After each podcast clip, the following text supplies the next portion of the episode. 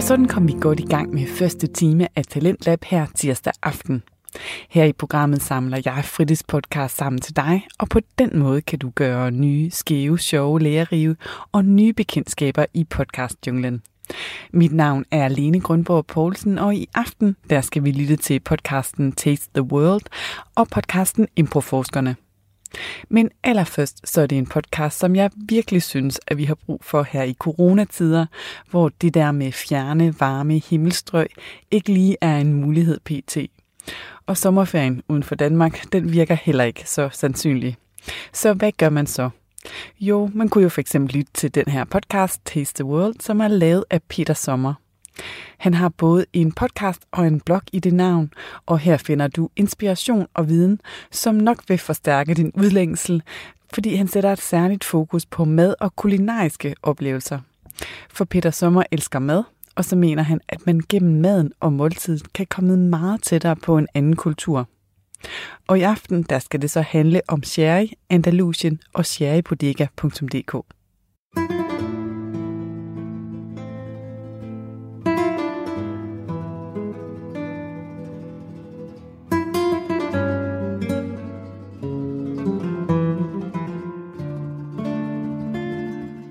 Andalusien er den sydligste region i Spanien og hjemsted for nogle af Spaniens mest besøgte rejsemål. Tusindvis af danskere flyver hver år til Malaga for at nyde varmen, strandlivet den gode mad. Det er især de populære strandområder ved Tomolinos på Costa del Sol. Inde i landet der ligger Granada, hvor man kan drømme sig ind i 1001 nats eventyr, når man går rundt i verdensviv under Alhambra. Længere mod vest der ligger Flamencoens hovedstad Sevilla med sin imponerende domkirke. Men i dagens rejsepodcast handler det ikke om de store turistattraktioner. I stedet tager vi syd for Sevilla, hvor vi finder den såkaldte sherry-trekant. Et lille område spændt ud mellem tre byer, hvor al sherry i hele verden bliver produceret. Lyt med i dag, hvor jeg har to sherry-eksperter i studiet, der har besøgt området rigtig mange gange. Du kommer til at lære en masse om sherry i dag. Det bliver lidt nørdet, men vi får også en snak om kulturen i dette unikke område, og hvad man ellers skal se og opleve.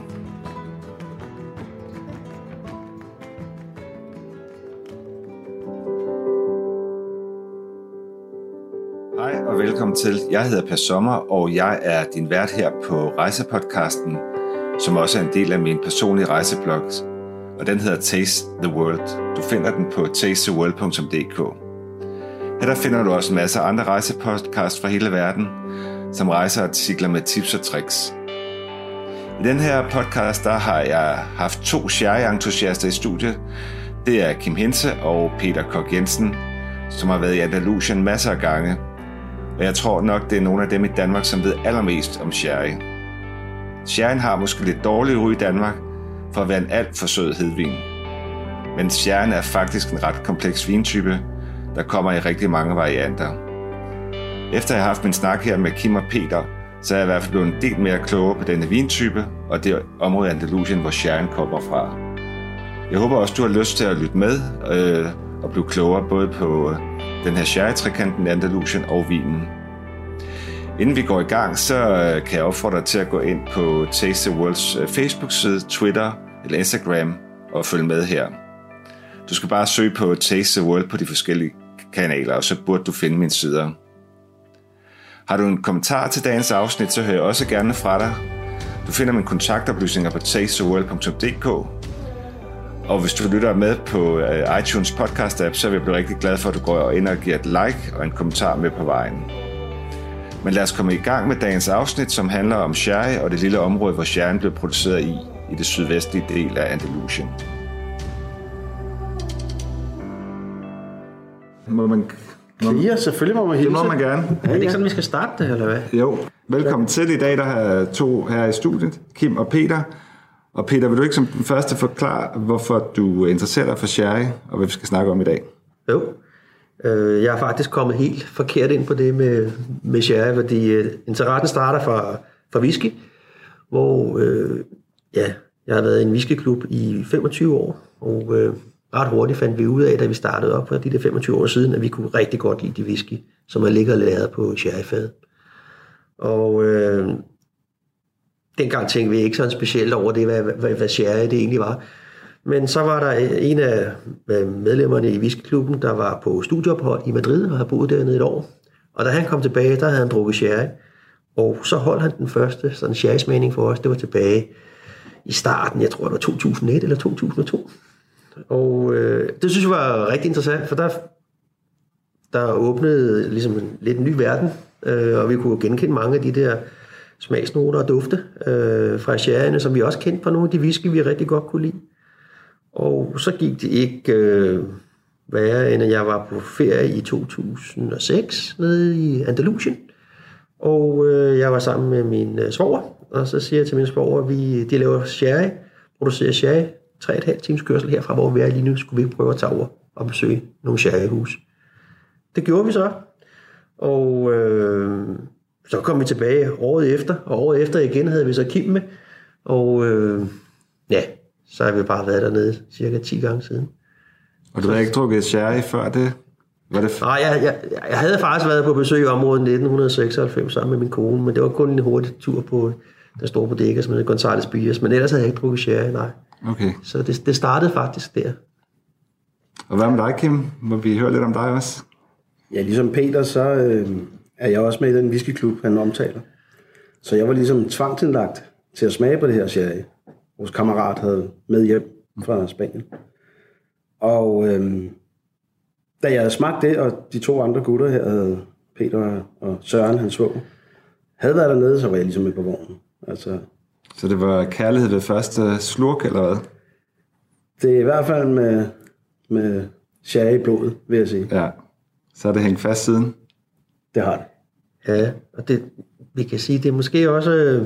Altså, sherry er jo meget mere end, end vinen, fordi det er jo hele selve... Altså, der er en meget kultur omkring sherry, og også bare det at være i sherryområdet. Øhm, og så er der hele den dimension også, hvor det er jo gastronomi. Vi skal have mad med, øh, mad er jo et tilbør til sherry, som, som virkelig er nødvendigt, hvis man skal have den rigtige oplevelse ud af det. Og hvis vi nu lige skal placere, hvor sharing kommer fra, øh, for det her det er jo også en rejsepodcast, og man gerne vil ned og se det, kan I ikke lige prøve at fortælle, hvor i Spanien vi befinder os? Det tror jeg ikke, der er alle, der ved nemlig. Jamen, vi er jo i et ganske rigtigt Andalusien, som du siger, over i Cadiz-området. Og det er det sydlige Spanien. Sydspanien, nord for Gibraltar og syd for Sevilla. I ja, det er nærmest mellem Gibraltar og den portugisiske grænse også. Ja, den ja. Ligger, det, det er ligesom Sådan det er ikke en halvø, men Nej. den ligger jo inde under, så at sige. Cirka en 3-4 timers kørsel fra Malaga. Jeg tror, der er mange, der ikke ved, hvad en sherryvin er. Jeg vidste heller ikke selv, inden jeg begyndte at undersøge til den her podcast. Kan I ikke forklare lidt om, hvad, hvad, hvad definerer en, en sherry? En sherry, det er en hedvin. Altså en vin, der er forstærket med alkohol. Og øh, der findes forskellige typer af, af sherry. Der er nogle, der er meget tørre, og så er der nogle, der er meget søde. Der er faktisk 10 forskellige typer i ja. alt. Og det kommer fra det område i Sydspanien, som populært kaldes sherry-trekanten. Hvis vi går sådan lidt tilbage til, til gammel tid, så øh, sherry hedder på spansk Vino de Jerez. Og øh, Jerez, det er sådan hovedbyen i, i sherry-området. Tilbage i tid, omkring 13-1400-tallet, begyndte man faktisk at eksportere sherry, eller det som dengang var, var sherry til, til England. Og det blev et ret stort eksportmarked af, af, af tiden. Men englænderne havde svært ved at sige det der spanske Jerez. Så i stedet for, så brugte man den gamle arabiske betegnelse, fordi der har været en lang historie dernede. Det har været øh, arabisk øh, i 700 år, Andalusien. Så der brugte man det, den arabiske by, eller navnet på, på arabisk på byen, som var Sheris. Så derfor er det, det så derfor er den internationale betegnelse er faktisk øh, sherry. Selvom når du i Spanien, så beder du altså om, om en vino de Jerez. Men man har drukket sherry rigtig mange år i... Ja, det har man. Øh, vi kommer også ind på det lidt senere, men, men, men siden 1100-tallet har man faktisk produceret øh, sherry, kan man sige, dernede. Men, men den har også udviklet sig vinen meget siden. Og man kan kun få sherry for det område? Ja, det, det, det kan man. Det er ikke ligesom med champagne, man kan få museerne vin fra andre, andre områder, der minder om det? Eller? Du kan jo godt få hedvine fra andre områder. Ja. Du må bare ikke kalde det sherry. Men som minder om det? Minder? Ja, men nu, som Peter siger, der er 10 forskellige typer. Mm. Så ja, jeg vil godt kunne finde en hedvin, der ligner en af de sherry-typer, der findes. Ja, og produktionsmetoden er det samme? Og... Ja, ja. på noget Okay. Men det, sherry, det er kun det her distrikt, vi taler Ja, om. det er, et ret lille, altså det er jo et ret lille område. Øh, når vi snakker om det der, når vi kalder det Sherry-trekanten, så er det fordi, det består af tre byer. Hovedbyen, det er den, der hedder Jerez eller Fontera. Mm. Øh, og så er der også en by, som hedder San Luca de Barrameda, og en by, som hedder El Puerto de Santa Maria. Hvis man ligesom forbinder dem, så får du en trekant, og det tager cirka i bil cirka 20 minutter med at køre mellem hver by. Så det er meget et lille område. Det er et ret lille område, ja, det er det.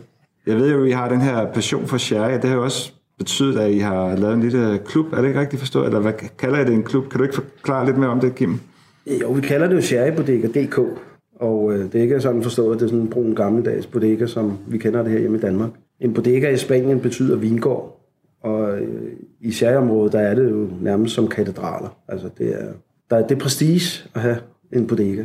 Og det tænkte vi, det var øh, meget fornuftigt at kalde det sherrybodega.dk, fordi det er jo ligesom det, vi besøger, når vi er i området.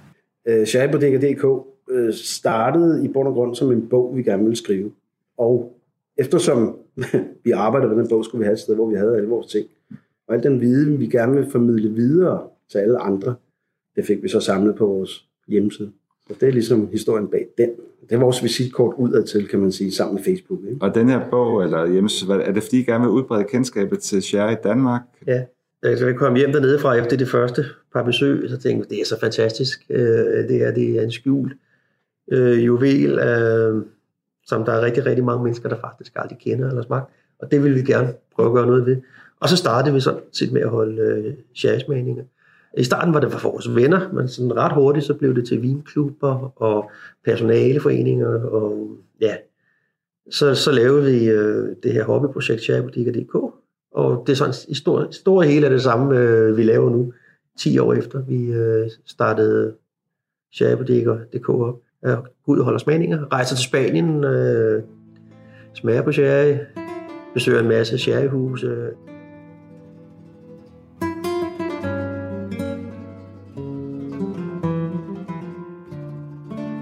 Altså, da jeg lærte dig at kende, Kim, der, øh, der havde jeg måske lidt fordomme omkring sherry. Jeg er nok ikke den eneste, men altså, det har lidt, måske lidt øh, gammeldags ry i Danmark, at det er sådan noget damer med lille hår, ældre damer med lille hår i en kortklub, der sidder og, og sipper til, eller nipper til sherry. Øh. Var, var det noget af det, I også vil gøre op med? Absolut. Absolut. Og jeg husker også, hvordan min øh, farfar med tilbagestrøget hår øh, havde et stort barskab i sit palisander reolsystem med øh, grønt filterspejl, hvor der stod en varm fedtet sherry, som blev serveret i små glas.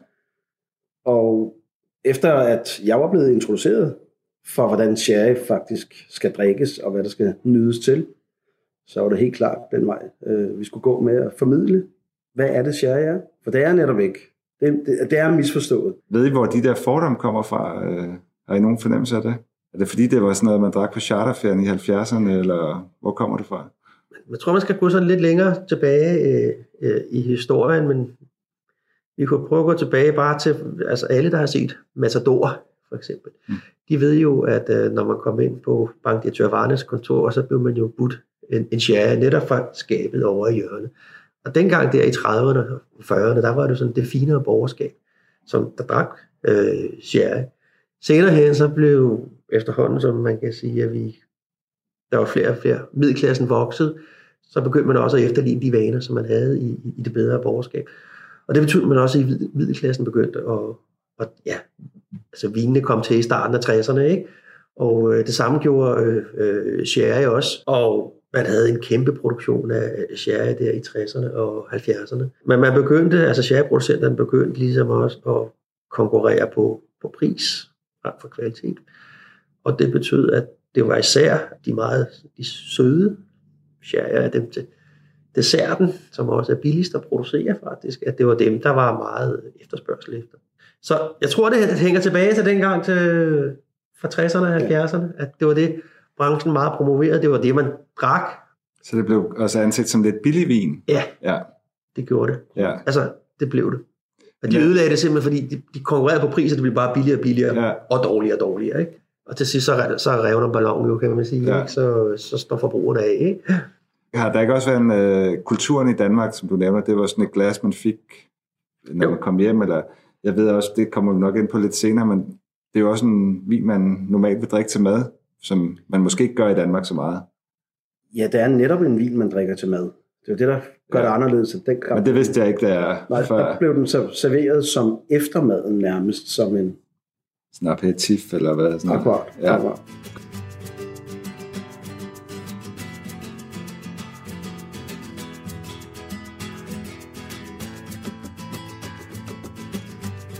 Jeg ved ikke, om skal vi smage på noget vin nu, eller skal vi Det starte? synes jeg lyder som en god... Øh, Kan I ikke lige for... I, altså, det her det er jo en fantastisk podcast, fordi vi skal drikke alkohol, imens øh, vi snakker.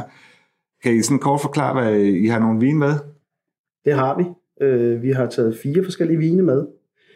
Peter nævnte tidligere, at der findes 10 forskellige typer, og vi har rent faktisk taget fire forskellige typer med. De to arketyper, en blandingsvin, og så en, der ligesom er uden for selskabet på en helt anden drue, men også en defineret sherry. Okay.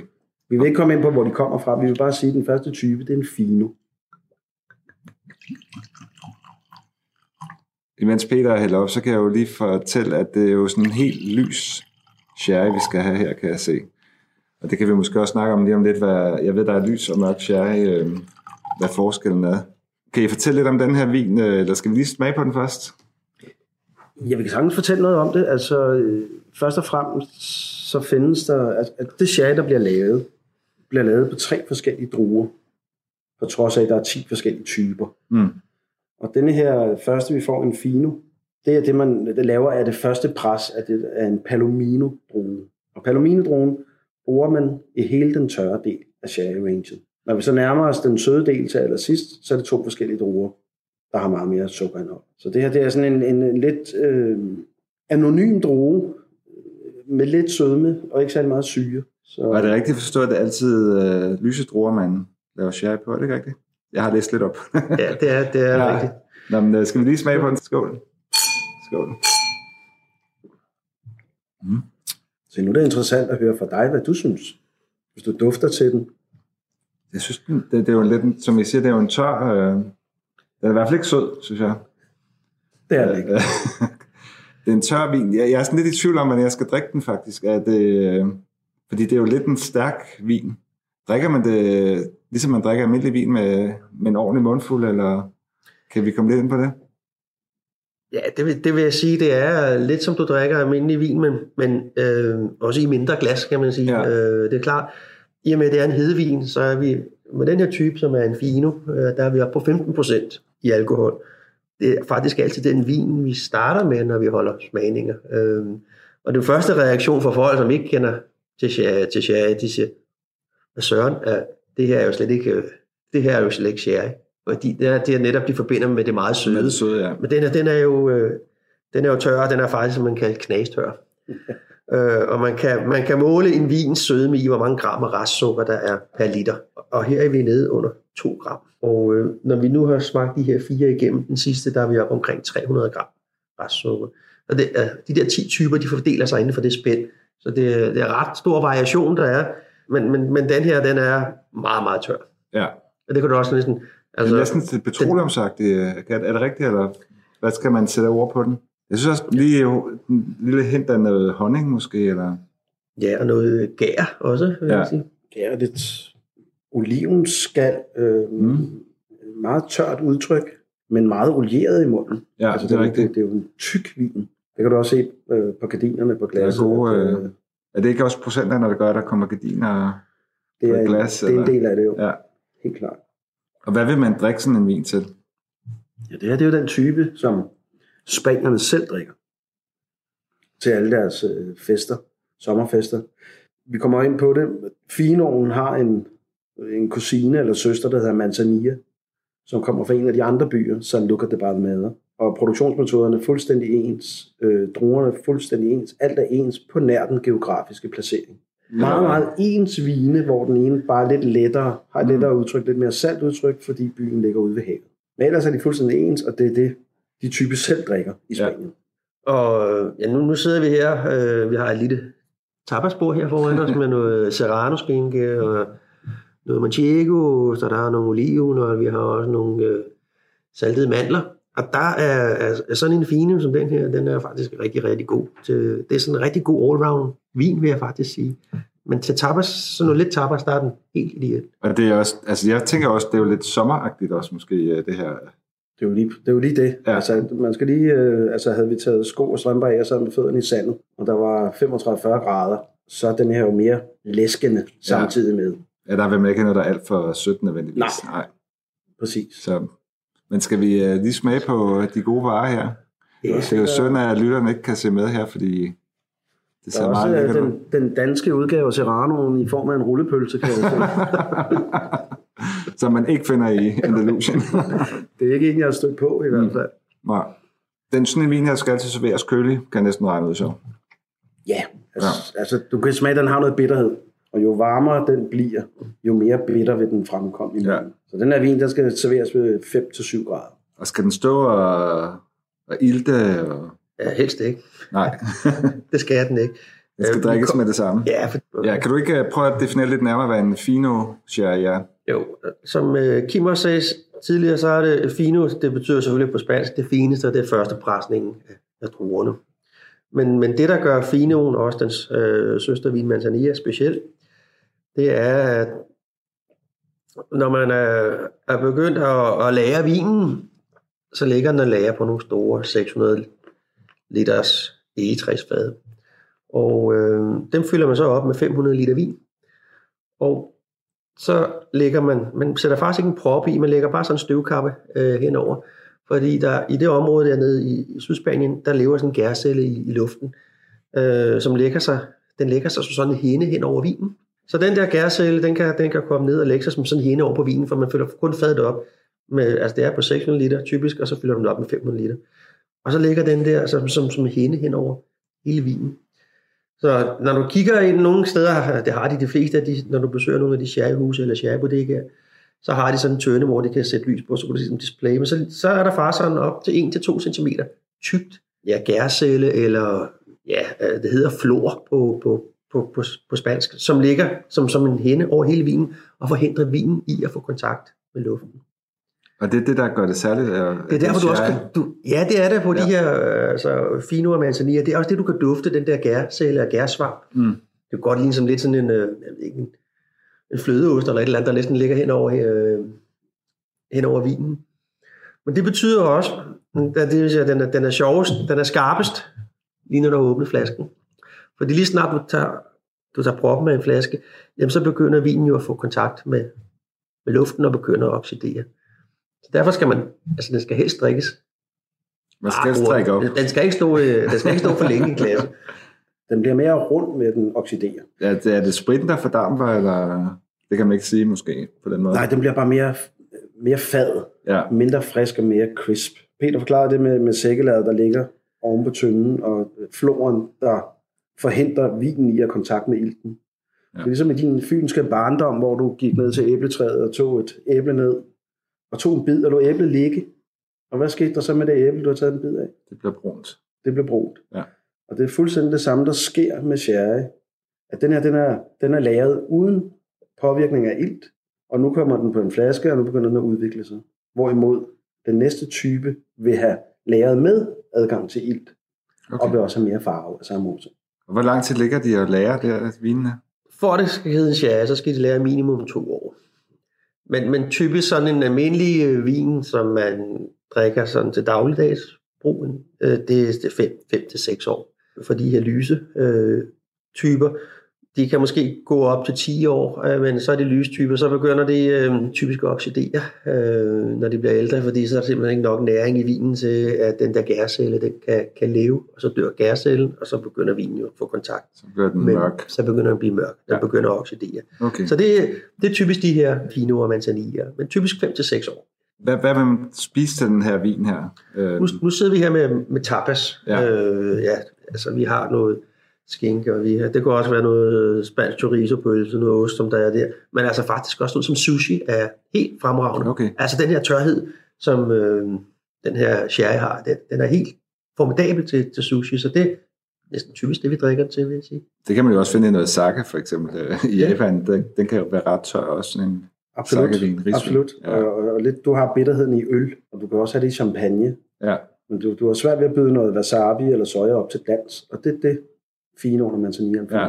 Men ellers er det jo sådan, altså især med Manzanilla, som jo kommer fra, fra den havneby, som hedder San Luca Barrameda, altså ved, ved vandet, der, øh, der er det typisk fisk og skalddyr, man, man drikker til. Altså Ja. grillede rejer, alle mulige former for fisk. Paella. Ja.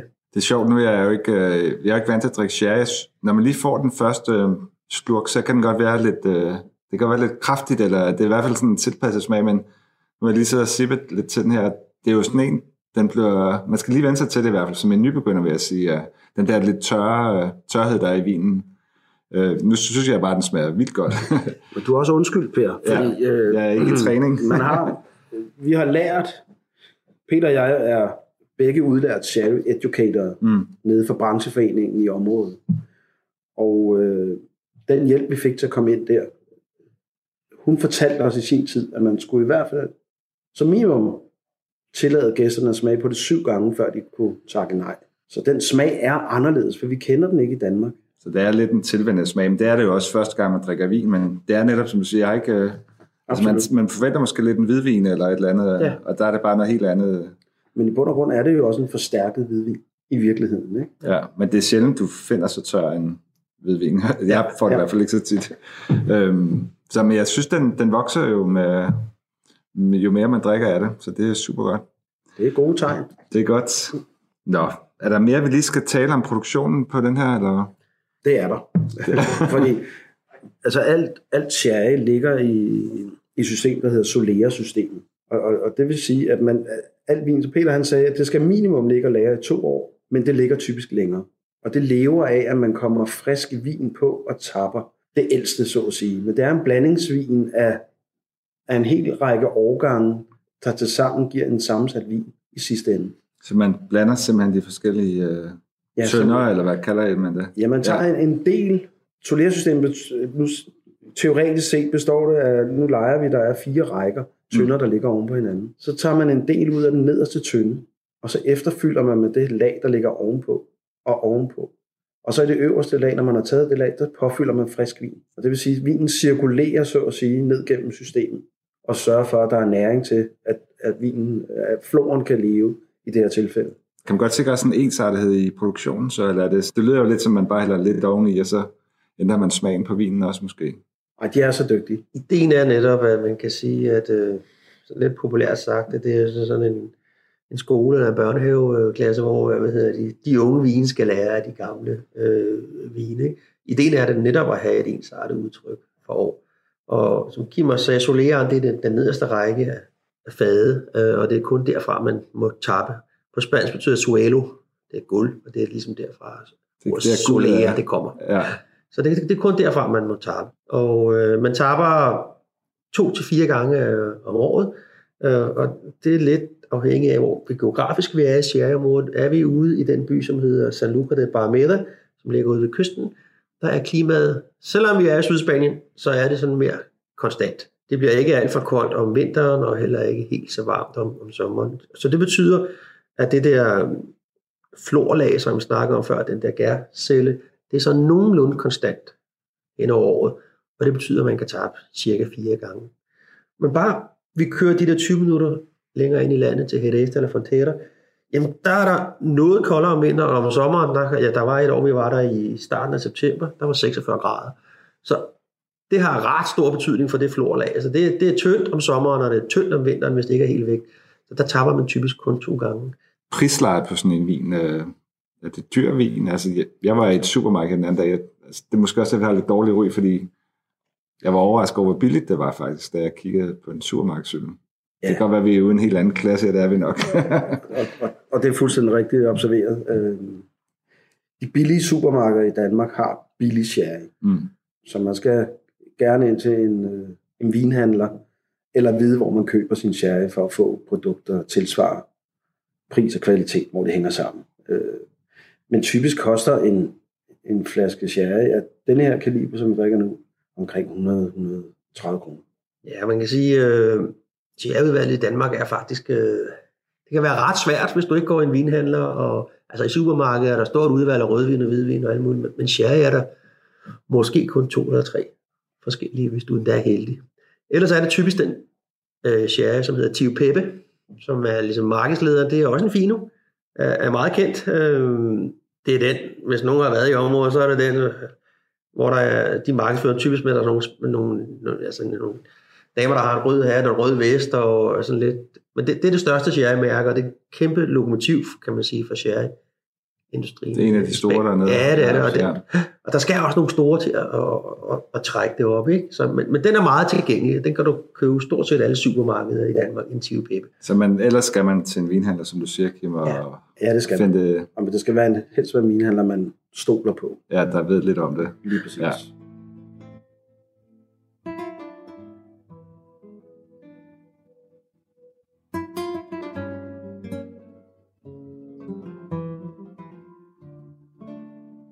Jeg synes rent faktisk lidt sådan med, med frisk smag i munden, at vi skal skænke den næsten i glasset, så den lige kan... Den må nemlig gerne få lidt luft. Okay, Så det betyder, at vi er nødt til at hælde det ud eller drikke det. Ja. jeg vil godt drikke det. her. Så tænker jeg, Kim, mens jeg skænker, så kan du fortælle lidt om, hvad det er, vi skal drikke. Det vil jeg meget gerne. Den første var jo en fino, som Peter rigtig forklarede, var det fineste. Vi har taget en uh, Oloroso med, som er den duftende, det betyder det på spansk, øh, og den er så består af andet presset. Så det her, det er det næstfineste sherry, hvis du vil sige det sådan, øh, eller anden sorterings sherryen i forhold til finoen dernede. Det er ikke noget, der skinner igennem i vinen, fordi det er, selvom den har samme lave sukkerindhold, så har den nogle helt andre noter og virker til noget helt andet mad, En anden farve. fordi, fordi den netop er oxideret i Mm. læringsprocessen. Ja. Og hvor kommer den fra i af af de tre byer, vi taler om her? Den her, det er fra Hedès. Øh, Som ligger inde i landet, ikke også? Eller hvad? Jo, jo. jo. Ja, så det er et af de varme områder også. Ja. Ja.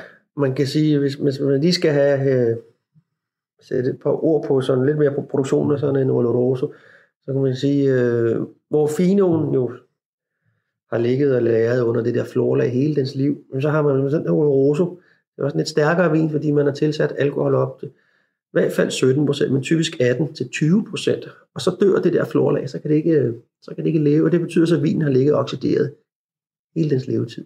Og det er jo sådan set, hvis man, nu, kan man, gerne- nu er det svært for lytterne at se farven, men den her, den er, ja, den er sådan nøde, øh, nødebrun, ikke? Nærmest lidt valnød. Ja, valnød Ja. ja. i farven, ikke? Ja. Men det er sådan set fuldstændig den samme drue, lyse drue, som vi fik før. Samme vin, den har bare fået ild, og det er sådan set ligesom Kims eksempel med æblet.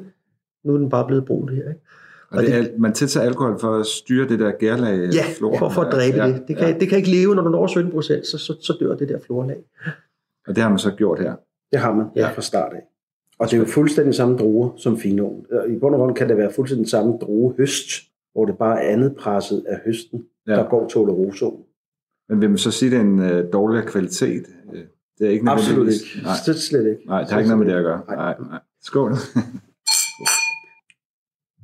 Der er, et lidt, øh, er det lidt mere syre der i den, eller den smager også lidt valnødagtig næsten, synes jeg.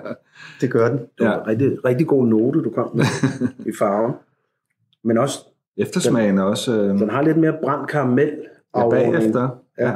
Ja. det er noget helt andet. Og sådan lidt øh, appelsin. Øh, Meget appelsin. Men også Appelsinnoter. stadigvæk tør, ikke også? Jo. Øh, ja. Knastør. Ja. Ja, altså, hvis man rent teknisk er en, en lille smule sødere, her er vi måske på under 5 gram restsukker, hvor jo var 2 gram, men det, det er stadigvæk helt over den helt tørre ende. Og det er sjovt med lige præcis den her Oloroso, når vi netop når vi er ude og, og til, til vinfestivaler eller holde sherrysmagninger, så den dufter af whisky. Nej, det, det er ikke rigtigt. Det er whisky, der Dufter af det. For det er netop lige præcis sådan en som Oloroso, øh, som mange af de kendte vin, eller hedder det whiskyproducenter har brugt i mange år til at lægge og lære. Altså sådan nogle whiskyproducenter som Macallan, og Glenfarclas og Highland Park, og Caldronac og Mortlach. Og de har ligget af sherryfad af Oloroso-typen som dem her. Det er typisk dem, man har brugt. Ja. Nu kan, nu kan lytterne heller ikke se det, men de her glas, som jeg sidder med, det er sådan lidt et ret lille hvidvinsglas, det vi sidder med her. Og det er også derfor, hvis man har store glas, så skal man passe lidt mere på med en vin, som den her kan gå helt op til 22 procent. Typisk ligger det på de der omkring 18-19. Men, men det er jo også en lidt, lidt stærk, stærk vin. Ja. Og det er jo også derfor, den her vin, den, den drikker man jo så lidt til noget andet mad, end man gør til, til finum. Og hvad kunne Øh, det være? Sådan lidt populært sagt, så siger man, at sådan en, en fino eller manzanilla, den drikker, den drikker man til alt, hvad der svømmer i havet. Og den her olorosoen, som vi sidder og drikker her, jamen det er til alt med fire ben. Det kunne være til sådan nogle ja, gryderetter med oksekød, mm. eller um, det kunne også godt være til noget serrano-skinke, hvor den faktisk er ret fin. Ja, man kan faktisk sige, at det er det er jo pangdangen til rødvinen, hvis man vil se det sådan. Så også lidt mere krydret mad og en chorizo-pølse. Og... Lige præcis. Ja, ja. Lige præcis. Nu, kunne vi jo, nu kunne vi jo ikke, vi, vi har jo hele tiden sagt, at der er, er 10 typer, vi kunne jo ikke tage alle typer med til det her. Faktisk findes der en, en vin imellem finoen og olorosoen. Den hedder Amontillado. Den er mere syrlig, og den har lidt den samme syre i sig, som den har, men den dufter ikke på samme måde. Den er ikke lige så tung. Og det er en, en, en fino, hvor man, efter den har ligget og lagret, tilsætter alkohol til, til, til vinen, så floren dør, og så får den lov at lære. Altså både med flor og uden flor. Mm.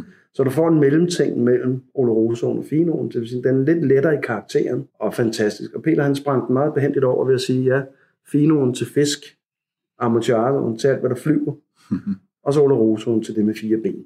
Det er sådan nogle huskeregler, som Ja. de selv bruger dernede og underviser i. Kan vi tale lidt om bare kulturen om at drikke øh, den her sherryvin nede i Spanien? Altså, er det noget, man drikker i hele Spanien? Det er faktisk øh, ret koncentreret, det her øh, område. Nu snakker vi om, at det var et relativt lille område, hvor der, det tog cirka 20 minutter at køre mellem hver by. Men bare du kommer, altså selvom du stadigvæk er i Andalusien, eller lad os sige, du kører de der 3,5 timer på Malaga, og Malaga, eller øst for Malaga, stadigvæk i Andalusien, men så er det faktisk ikke så almindeligt, og, og når du kommer ind på en bar eller en restaurant og beder om sherry, nogen har det, men, men, men det, er ikke det, de, øh, det er ikke det, de drikker. Så egentlig er det ret lokalt, at man drikker øh, sherry. Og ved noget om, drikker de det sådan, er det sådan har de sådan en hverdagssherry, hvor man lige får et glas til maden, ligesom man i, rødvin, øh, har, i Frankrig drikker rødvin til aftensmaden? Det gør de, ja. det gør de. Altså typisk også, når, når vi ligesom drikker, når vi mødes og drikker en øl for ligesom lige at hilse på hinanden og så videre, jamen der drikker de typisk en, en, en fino eller manzanilla. Ja, til mad, der, der, der gør de også. Det er også en typisk fino manzanilla, øh, de drikker. De andre typer, det er, det er lidt mere for connoisseurs og folk, der interesserer sig for sherry, vil jeg sige. Jeg tror også, jeg vil tilføje, at, at de bruger en del af sherryen til madlavning. Så det er en kombination, at, at de tager nok de lidt mørkere typer til at koge ind på, og lave supper og lave kylling og hvad de ellers laver, alle ting og sager. Og, og det fungerer fuldstændig som i Sydfrankrig, hvor du går ind på øh, et vineri og, og tapper i en plastikdunk. Okay. Okay. Den mulighed er der også Ja. dernede. Fuldstændig. Hvad synes du om den her, Per? Jeg synes, den, er, den anden var lidt mere tilgængelig måske. Jeg ved ikke, jeg skal lige vende mig til den her også, tror jeg. Jeg synes, den er lidt, der er en øh, eftersmagen er sådan meget, meget tør for mig, øh, men den smager godt. Jeg synes, den har Ja. ja. efter, eftersmagen er kraftig for mig på den her. Ja. Det er den også. Den er Ja. også. Og det Den er, også det er alkoholen, der taler. Er det det, eller? Ja, hvad? ja. Absolut. ja. det er, det er en stærkere, stærkere vin. Så jeg, jeg, igen, jeg er ikke vant til at drikke det her tørre, så jeg, det er, ikke- jeg skal lige øh, sådan, uh, indstille mig på det, Man kan sige, mentalt. nu kan man sige, øh, nu er det her jo også en, en relativt ung øh, Oloroso, den vi har her. Øh, Så lidt som med, med Fino, så er de typisk 6-7 år. Fordi at Oloroso ligger og lager uden ild, jamen, så kan de også ligge og lære meget længere tid, end en Fino kan. Så du kan få nogle Olorosoer, der er 20 år, så kalder man det vor, ligesom med, med, cognac, og 30 år, så er de vores. Og øh, så får du altså nogen, som er meget karakterfulde, og altså sådan rene meditationsvine, som man faktisk ikke drikker til mad. Det er typisk nogen, man drikker efter mad. Men. Ja. men den Oloroso, som vi snakker her, eller som smager her, det er en rigtig, rigtig god mad, øh, Oloroso, ikke? Jeg kunne godt forestille mig til en kraftig gryderet, eller Ja, eller noget cho- paprika og chorizo. Og, Smid en stor bøf på grill, en hakkebøf, der bare bliver grillet lidt hårdt. mm. Så har du kombinationen af, at du får noget, noget karamelsød med noget brændthed, der matcher kød og vin. Jeg vil sige, når vi tager ud og holder sherrysmagninger, så har vi, altså det vi typisk serverer til, til sådan en øh, Oloroso, det er som Kim siger, en, så griller vi en bøf. Ja. ja. Så skærer vi den op i nogle Og det er jo, en, det er jo alfa og omega at, at at understrege, at det er madvin, det her. Det er det virkelig. Men der er også den der, altså der er jo en del alkohol i, det kan man godt smage af. Der er den der kraftige, øh, øh, altså alkoholsmag. Og Ja. Man kan jo ikke sikkert ikke drikke det så meget, som man kan drikke øh, et glas hvidvin, eller hvad. Det er måske... Nej, Vi danskere altså, kan også godt lide at drikke mange glas. ja, der skal man være- passe der lidt være på. Det skal man. Oloroso, den er, den er stærk. Det er den stærkeste af alle sherry-typer. Ja. Ikke? Altså, Ja. på højeste alkoholprocent. Så Ja. det, der skal man, øh, det skal man lige tænke lidt Ja. Og hele taget sherry er selvfølgelig, i og med at det er en hedvin, så er der selvfølgelig flere alkoholprocenter i en almindelig vin. Ja, og på grund af klimaet dernede, den ligger og lager og lager og lager. Så den bliver mere og mere indkogt i bund og grund. Og det vil sige, at på grund af, mikroklimaet og, og temperaturen og det hele, så er det vandet, der fordamper. Så den ligger faktisk og bliver stærkere og stærkere. Jeg ved ikke, om du lader mærke til her, temperaturen ved serveringen. Den var lidt varmere end den forrige. Jeg tænker ikke lige over, men... øh, Men vi er oppe i noget 10 grader. Okay, Den skal ikke være serveres for kold, for så mister den meget af sin smag og duft. Den skal lige op og være de der 10 grader. Så den skal lige ud af køleskabet og stå øh, nogle minutter. kvarter minut på bordet måske, Ja. ja. inden den bliver serveret. Ja. Ikke? Men altså igen, den vinder ved nærmere bekendtskab. Den duft, altså nu er den også lige fået, de der, den er lige blevet lidt varmere, den du- dufter jo også mere og mere nu, kan man godt. Ja. Ja. Og hvad koster sådan en vin her, som den her? Jeg mener, vi er oppe i en halvanden 100, 100, ja, 70 kroner. Så den er faktisk dyrere end finovn. det er den, ja. ja. ja. Men den er også lagret længere. Det, det er typisk derfor. Vinoen er den yngste, som regel, og friskeste vin. Ikke? Er der sådan øh, en Rolls Royce inden fra, fra sherryverdenen også, hvor øh, er der en særlig vingård eller bodega, som, som er creme eller creme? Det er der. Der, der, der er flere forskellige. Så Peter nævnte et lokomotiv, Gonzales Bias. Der er også en, et andet stort lokomotiv, der hedder øh, Grupo Estaves, som øh, de to er de to største spillere på, på sherry-markedet. Men deriblandt ligger der nogle juveler og, og bare glimter, men de udgiver, eller flasker også noget andet sherry, og har måske råd til at lade det ligge længere, og dermed bliver det ældre, og det er det, vi sætter pris på nogle gange. Andre gange vil vi gerne have den der knivskarpe, unge manzanilla. Det kommer, det igen er det humør. øh, Hvor er du? Øh, Men ja, der findes nogle gode blandt. Ja, jeg tror det, er- det er ligesom lidt også med, med, med whisky. Man kan sige, der er nogle meget store whiskyhus, som kan producere en rigtig god kvalitet. Har et stort udvalg af fade og det ene og det andet. Men så er der også bare nogle, nogle øh, altså, producenter, som specialiserer sig for et eller andet. Og det er jo også det, man, man ser i sherry. For eksempel kan man sige, der er en, en meget, jeg ved ikke, kendt, men i hvert fald i området kendt bodega, som hedder Bodegas Tradition. De er meget dyre sherry. Øh, de er aftapper, da de startede, så havde de kun fire typer. Så havde de en Amontillado, en Oloroso, så har de også en type, som hedder en Palo Cortado, og så en Pedro Jimenez, som vi skal smage til sidst. Det er alle sammen nogen, som er, har et vis grad af oxidering i sig. Og de startede, altså de var 20 og 30 år gamle, de flasker der, ikke? og de startede på, ja, herhjemme kunne man købe den på typisk for omkring 500 kroner og op efter. Så nogle er der jo også, altså det, det er der jo også, men så er vi ligesom lidt, så får vi noget alder på, så går vi over til noget sherry, som måske egentlig ikke er til mad, men i virkeligheden bare bedre at sidde og drikke alene. Men om det er en Rolls Royce for dig, eller for Peter, eller for mig. Altså igen, du, du siger selv, at den vinder ved nærmere bekendtskab. Mm. Det vil aldrig være det rigtige sted at starte for nogen som helst, fordi det, det vil være en nærmest ud af kroppen oplevelse, så voldsomt er det. At det er en sherry magiterning, der er kogt ned. Godt, jeg kan mærke de der procenter der, men... Jeg skal lige prøve at smage den, øh, den, hedder, det, Ja, jo. den danske Serrano. Den danske serrano rullepølsen. Nu har vi smagt en fino, som har en søster, der hedder Manzanilla. Vi sprang Amontillado over, som er en fino, der får lov at lære både med flor og uden flor. Og vi har fået en Oloroso. Ydermere findes der en, der hedder Paolo Cortado, som er en vin. I gamle dage sagde de, det var sådan en, en vin, der udviklede sig, så det hverken var det ene eller det andet. Teknisk set er det en vin, der dufter Amontillado og smager af Oloroso. Den har vi ikke taget med, fordi den her, det kunne vi ikke nå, men det er de fem typer, der er tørre. Så det næste, vi kommer til, når vi når dertil, vil være en blandingsvin af en tør og en sød. For at slutte af med den helt søde. Bare for ligesom at, at spænde ranget lidt ud, ja. så vi ved, hvor vi er. Vi er nødt til at formidle, at der findes noget andet, som virkelig kan noget. Især i selskabet med. Ikke? Og, der, og det er jo det, vi prøver virkelig at uddanne folk i. Det er det, vi er uddannet i. det der Kim siger uddannet, det er jo sådan lidt, lidt, lidt, lidt, lidt sjovt ord.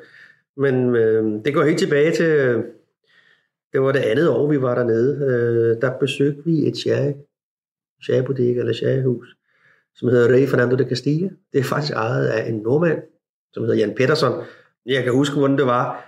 Øh, vi havde ugen for inden vi tog til Spanien, så havde Søren og jeg, vi havde været til en, en smagning ude hos Laudrup Bil. På daværende tidspunkt havde de en, en sælger, som hed Eduardo, smagt på sherry, og så øh, tænkte jeg, så når vi kommer ned til Spanien, så ringer jeg til Rey Fernando Castilla, og så, så får jeg så fat i ham, øh, Jan. Så siger jeg, kunne, øh, kunne vi få lov til at komme forbi og, og, og smage og alt sådan noget? Ej, siger han, jeg giver altså ikke, øh, jeg giver ikke nogen, øh, jeg viser ikke rundt, altså, det gør jeg altså ikke. Nå, men vi havde ellers fået indtryk af det, fordi nu havde vi snakket med Eduardo op for Laudrup. Vi, Nå, kender I ham? Så, ja, det gør jeg. Nå, vi I hvad, så kom I bare forbi. Og øh, så kom vi forbi en tirsdag eftermiddag kl. 5, og Jan han viste os rundt på bodegaerne, vi smagte på hans sherry og også hans brandy. Og så sidder vi bagefter smagningen, og, eller besøget og drikker et glas sherry ind på hans kontor, og så siger hvad er vi egentlig med alt det her? Vi synes jo, det er helt fantastisk. Det er, nu er det jo anden gang, vi har nede og besøge øh, Sherryhus. Nå, siger han så, men så skulle I jo... Øh, der findes faktisk en uddannelse, som hedder Sherry Educator, hvor, hvor det faktisk er Consejo de Regulador, som er Sherryens brancheforening her i Jerez. De uddanner folk for at netop at, at give folk en viden og give de her uh, Sherry Educators en viden, så de kan gå tilbage til deres hjemlande og holde smagninger. Det synes vi lyder spændende. Hvordan, øh, hvordan kan man blive optaget på det? Der skriver man så til Consejo Regador her i Jerez. Det gjorde vi så, da vi kom hjem. Og øh, dem har vi faktisk haft kontakt med lige siden. Det var i 2007. Øh, og øh, det var lidt historien om, hvordan vi kom ind på... Øh... Men hvad, hvad går den uddannelse ud på? Altså, og hvor lang tid var den? Jamen, det er en øh, tre-dages tur med undervisning. Der er både teori, og så er der praksis med eksamen, hvor øh, du skal blindsmage dig gennem 6 til 8 sherry, alt afhængig af hvad år du er oppe. Og så skal du ind og, og besvare en hulens masse spørgsmål. Og det er ikke, det er ikke nemt. Nej. I taler ikke spansk, vel? Eller? Jo, jeg kan forstå, forstå noget, og taler også noget. Det, det er faktisk en kæmpe fordel, vil jeg sige. For, jeg ved ikke, folk som har rejst til Spanien ved godt, at nogle steder, der er det ikke sådan, øh, der er det langt fra alle, man møder, der taler engelsk, vil jeg sige. Og sådan er det også på sherryhuset. Lidt, kommer man ud på de store sherryhuse, så har de engelske guider og så videre. Men vil du besøge nogle af de små og nye, og måske sådan lidt spændende, så er det typisk på spansk. Og jeg er bedre til at drikke spansk. Det er ligesom mig, Kim.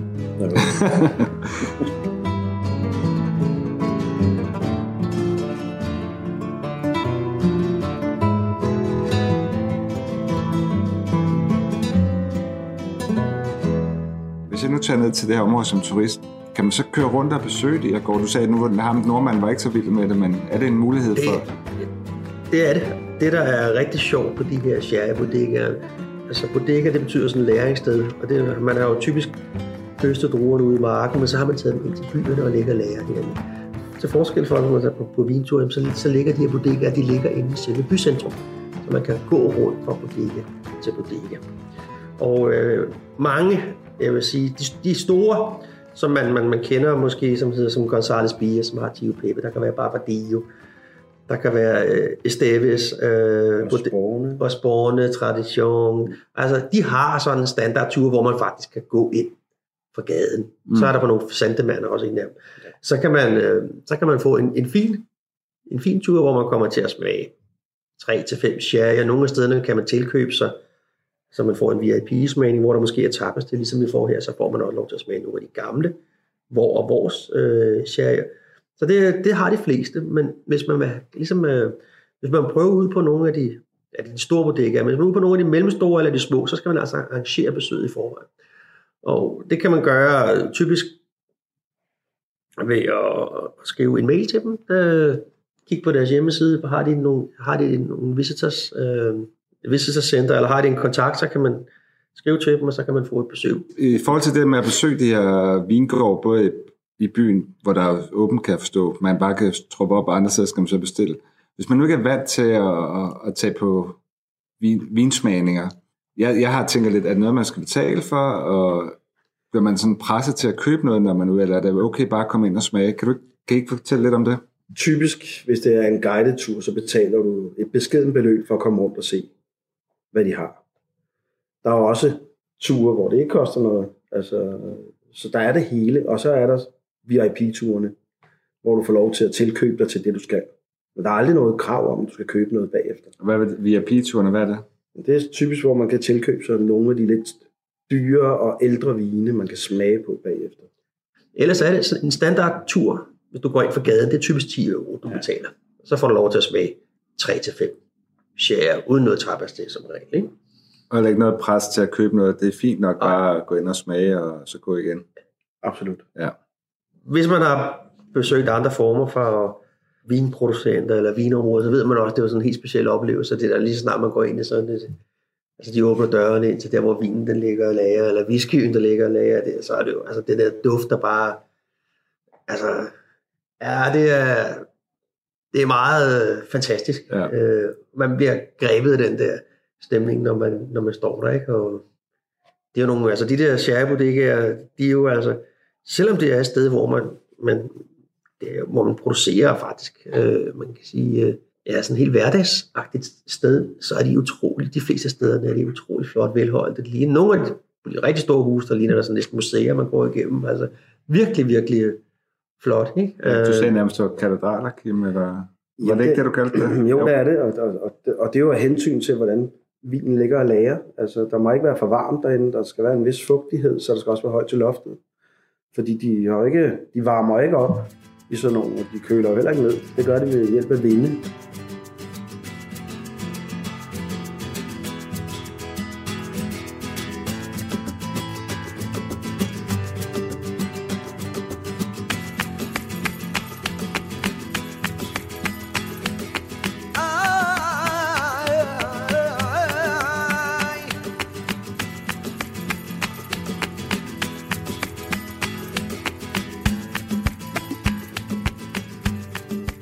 Vi talt lidt om, øh, om hvordan man producerer vinen på fader og så videre, men vi har ikke talt så meget om øh, selve druen og marken, de bliver dyrket på. Kan vi komme lidt ind på det? Ja, altså vi er jo helt nede i det sydvestlige hjørne af, Spanien, og faktisk det sydligste sted i Europa, hvor man øh, dyrker vin. Og det kan jo være lidt usædvanligt, at man faktisk skal have vinstokke, der kan, kan leve der. Men det skyldes, er et område tidligere, altså i meget gammel tid, det er havbund, det er gamle havbund. Og det betyder, at jorden den er meget kalkholdig. Og øh, det regner faktisk også, selvom vi ikke er lige det, vi tænker om, om Spanien, så regner det faktisk en del. Øh, det regner 625 mm om året. En lille smule mindre end i Danmark, men øh, det regner mest om øh, vinteren. Og øh, fordi jorden er så kalkholdig, så kan den opsuge øh, alt det, det regn, så ligesom en svamp at holde på, på vandet, som betyder, at, at, at vinstokkene kan også overleve om sommeren, når det, når det er så varmt. Men det er også øh, sådan et helt specielt oplevelse at gå ud i sådan en, øh, en, en vinmark, fordi den, jorden, når den er så kalkholdig, så er den faktisk, jorden faktisk hvid. Altså den, de fineste og de bedste sherrymarker, de har den jordbund, som hedder albarisa, Og det, nu kan jeg ikke latin, men det betyder kalk på øh, Alba betyder hvid. hvid kalk. Ikke? Mm.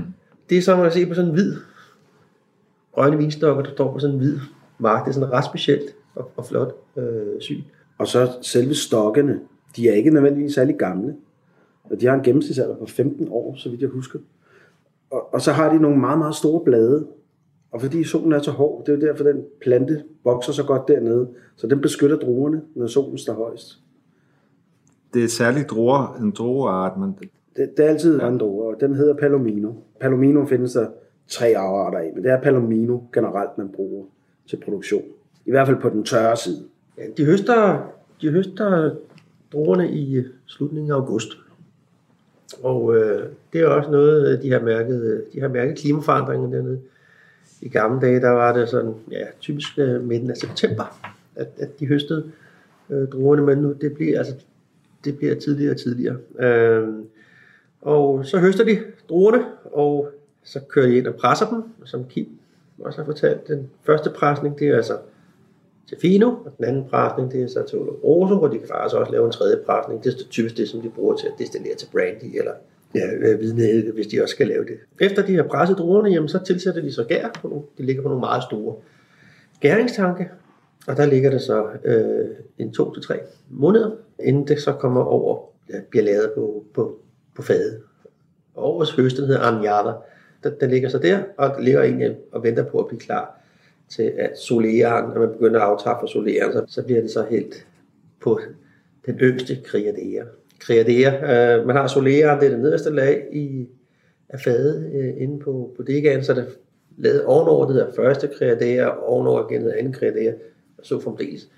Nogle bodegaer har helt op til 11-12 Det er som en typisk er det mellem 6.